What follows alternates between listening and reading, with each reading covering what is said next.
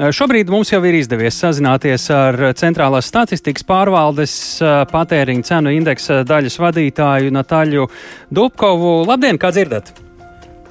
Labdien, jā, es ļoti labi dzirdu.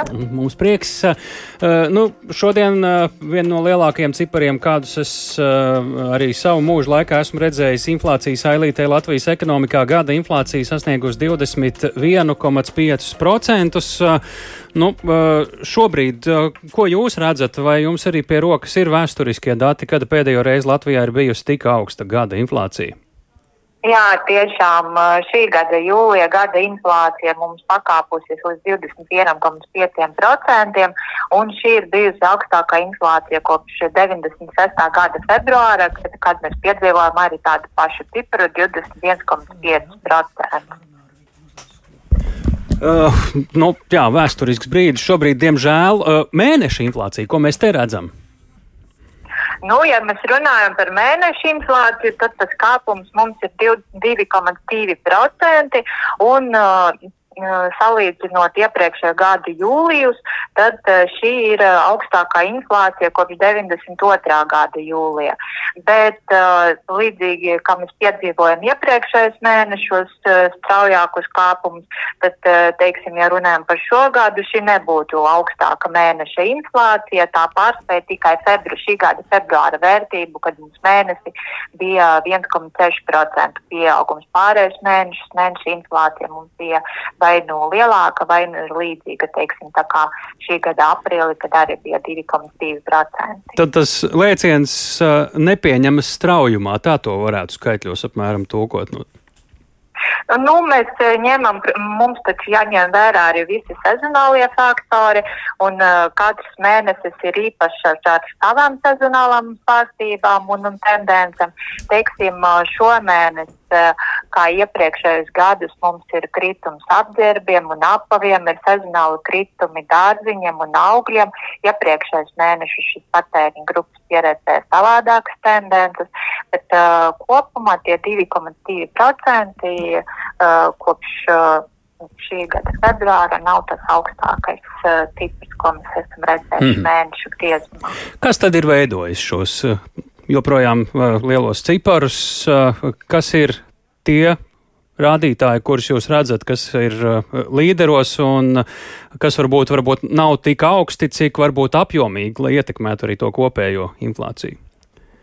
Ja mēs runājam par mēneša pārmaiņām, tad uh, būtiska ietekme bija uh, mājokļu grupai, pārtikai, dažādu preču un pakalpojumu grupai, bet, kā es minēju, lētāki palika apģērbi un apavi, ar transportu saistīts preču un pakalpojums, galvenokārt to mums noteica degvielas cenu samazinājums. Uh, bet kopumā mēneša laikā 57% no patēriņa groza iekļautam pēc pakalpojumiem cenas pieauga un kritums bija 28%. Un, ja runājam par kritumiem, tad uh, to starp uh, bija cenu samazinājums apģērbiem un apaviem, dārziņiem, augļiem, svaigām zīvīm, degvielai, bet uh, vislielākie kāpumi bija dabasgāzē līdz ar Latvijas gāzes tarifu pārskatīšanu, avio pārvadājumiem, malkai, kokskaidu granulām, kompleksiem atpūtas pakalpojumiem. Tas bija tās grupas, kur mēs varējām novērot lielākus kāpumus. Bet uh, ir arī sezonālas svārstības, kas ir, kas ir uh, līdzīgas kā iepriekš. Nu, kaut vai tiem pašiem apģērbiem un droši vien kaut kādiem dārziņiem Jā. vai līdzīgi. Nu, tur objektīvi paskatīties šobrīd varbūt var mazāk, jo ir, tā teikt, sezonas pilnbriets, vai ne? Jā, tieši tā, bet uh, situācijā pie mums arī līdzīga kā kaimiņu valstīm, teiksim, uh, Igaunija gada inflācija jūlija ir bijusi 22,8%, Lietuva 21,6% un attiecīgi mēnešu pārmaiņas 1,9 un 1,2. Ja paskatās uz, uz tām grupām, kas visvairāk ietekmē, tad tie tie paši e, mājoklis, transports un pārtika un, un arī, e, ja nedaudz detalizētāks paskatās degvielas cenas, tad arī mums viss virsās diezgan virzienā. Jā. Uh... Par prognozēm jums nav jāvaicā, jūs par faktiem, kur jau ir notikuši, bet mēs runāsim par prognozēm arī programmā pēcpusdienā. Tik tālu liels paldies Natāļai Dobkovai, Centrālās statistikas pārvaldes patēriņa cenu indeksa daļas vadītājai programmā pēcpusdienā. Pie otras mūsu klausulas šobrīd, es ceru, arī mūsu iepriekšējo sarunu dzirdēja vairāk vai mazāk Agnes Būcenietes Svetbanka galvenā ekonomista. Labdien! Labdien! Kā jūs teiktu, cik dziļi, kā izskatās šobrīd inflācija, jau ir, nu, kas mūs visvairāk klausās šobrīd, mājasēmniecības, jā, ir jau ietekmējusi līdz šim mājasēmniecību budžetus un cik dziļi tā var ierakties mūsu mājasēmniecību ikdienā vēl pārskatāmākajā nākotnē? Nu, ņemot vērā, ka maisaimniecību ienākumi nekāpj ne tuvu tik strauji kā cenas, tad skaidrs, ka maisaimniecību budžetu šīs cenu kāpums ietekmē ļoti negatīvi. Pārtikas cenas, kā jau dzirdējām, un arī viss, kas saistīts ar mājokli, mājokļu pakalpojumiem, veido aptuveni 40% no maisaimniecību budžeta, no vidējās maisaimniecības budžeta, un mazāk turīgām maisaimniecībām tas pat ir uh, nedaudz vairāk. Līdz ar to tas ir uh, ļoti, būt, ir ļoti, ļoti būtiska izdevumu sadaļa, mēs redzam arī, ka uh, citos datos sāk atspoguļoties uh, tas, ka maisaimniecības uh, ir spiestas vai vēlas uh, mainīt savus biežāk, protams, ir spiestas mainīt savus uh, tēriņu paradumus. Piemēram, mazumtirdzniecībā jūnijā bija neliels kritums salīdzinājumā ar iepriekšējo gadu fiziskajos pārdošanas apjomos. Ja mēs skatāmies naudas izteiksmē, viss maksā dārgāk, tāpēc arī apgrozījums aug ar divu ciparu skaitli. Bet, ja skatāmies uz to, cik preces skaitliski par to ir pārdotas, tad, tad, tad, tad jau neliels kritums iezogās un arī banku karšu dati. Arī rāda to, ka, ja mēs ņemam vērā inflāciju, tad tie fiziskie tēriņi samazinās, proti, tērējam vairāk, bet par to naudu mēs saņemam pretī mazāk preces un pakalpojumus nekā iepriekš. Mm. Vairs tik daudz nevaram atļauties. Nu jā, tas, kas man interesē visvairāk, ir, nu, cilvēkiem joprojām ir kaut kāda inerce no iepriekšējiem laikiem, ir kaut kādi ietaupījumi, cenas arī pagaidām varbūt ir ļoti augstas daudzām svarīgām lietām, bet varbūt nav tā teikt vēl virs supergriestiem uzlēkušas. Kā jūs teiktu, nu, kur ir tā robeža, kur mēs varam jau tiešām teikt, ka viena būtiska daļa, man tagad grūti ir pateikt kādu konkrētu ciparu, jums varbūt ir kādi labāki atskaites punkti.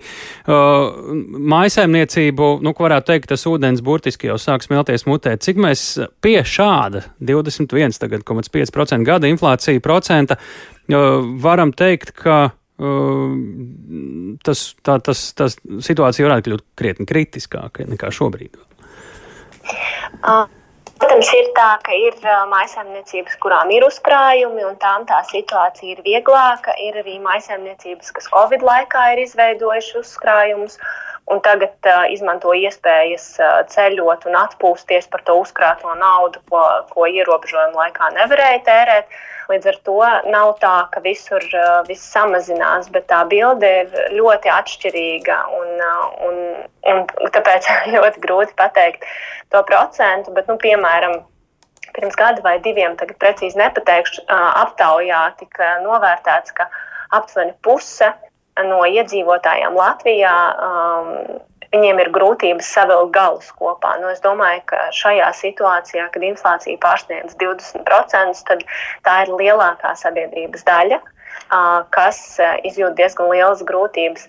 It īpaši, ja šajā brīdī jau ir jāsāk maksāt, piemēram, tie, kas izmanto gāzi apkurei, pat tad, ja apkurss sezona vēl nav sākusies, bet izlīdzinātais maksājums jau ir jāmaksā šobrīd tiem, kas varbūt ir izmanto nezinu, centrālu apkuri, tiem tie papildus tēriņi par siltumu nāks vēlāk. Līdz ar to arī te ir nianses, kur, protams, ir atšķirības, Jāņem vērā arī tas, ka viss uh, cenu kāpums, kas nāk uh, no ārpuses, ko mēs redzam biržās, un kas, kas atspoguļo arī energoresursu pieejamības jautājumus, tas arī vēl pilnā mērā nav atspoguļojies inflācijā. Mm. Mēs dzirdam, ka ir vairāki pakalpojumu sniedzēji gan elektrībai, gan ūdenim, gan tam pašam siltumam, kur vēl tikai sekos pieaugumi. Un te tad būtiska loma būs valsts atbalstam. Iespējams, ar to, kas šobrīd ir pielemts, nepietiks. Ļoti iespējams, ka vajadzēs vairāk. Nu, to, to jau nu, situācija rādīja. Bet tas ir Jā. tas aspekts, kas varētu mazināt. Labi. Es to. mēģināšu vēl pajautāt no citas puses. Nu, protams, ka mēs nevaram ielīst iekšā katrā maisaimniecībā situācijas ļoti atšķirīgas ir, bet te pašā laikā nu, ir cilvēki, kuriem maisaimniecības, kurām ir ietaupījumi, un ir kurām varbūt to ir mazāk vai nav vispār, kuri jau ir mīnusā šobrīd. Kā ar naudu šādos apstākļos saimniekot? Nu, tā pieredze tādam vidusslānim un uh, vidējas paudzes cilvēkiem pēdējo reizi bija, mēs dzirdējām no statistikas pārvaldes 90. gadu sākumā. Tā varētu nebūt piedzīvota pašu uh, pieredzē. Nu, kā, ko darīt tagad? Ietaupījums labāk ir varbūt, es nezinu, iztērēt, jo tā nauda tāpat inflācija apēdīs šo naudu, vai ir ieguldīt, piemēram, cik iespējams kaut kādā vēl, cik var pagūt energoefektivitāte, nu, tā teikt, logus nomainīt. ko darīt ar to naudu, kur cilvēkiem šobrīd varbūt vēl ir? Nu, es droši vien, ja man būtu iespējas kaut kādā veidā uzlabot savu, savu mājokļa energoefektivitāti, tad, tad es to darītu, ja, ja tādas iespējas ir.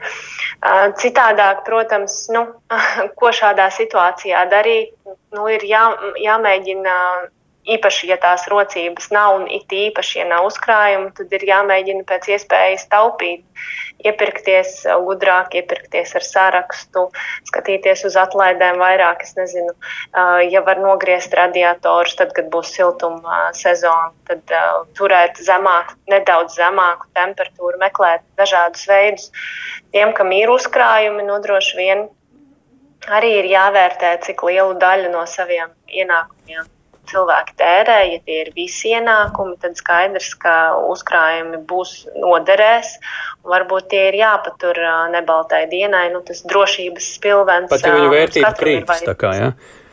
Pat, pat tad, ja, ja šī drošības spilvena vērtība krīt, bet tas tāpat ir drošības spilvens, jo ja tā glābšanas riņķa nebūs, tad, tad būs vēl trakāk.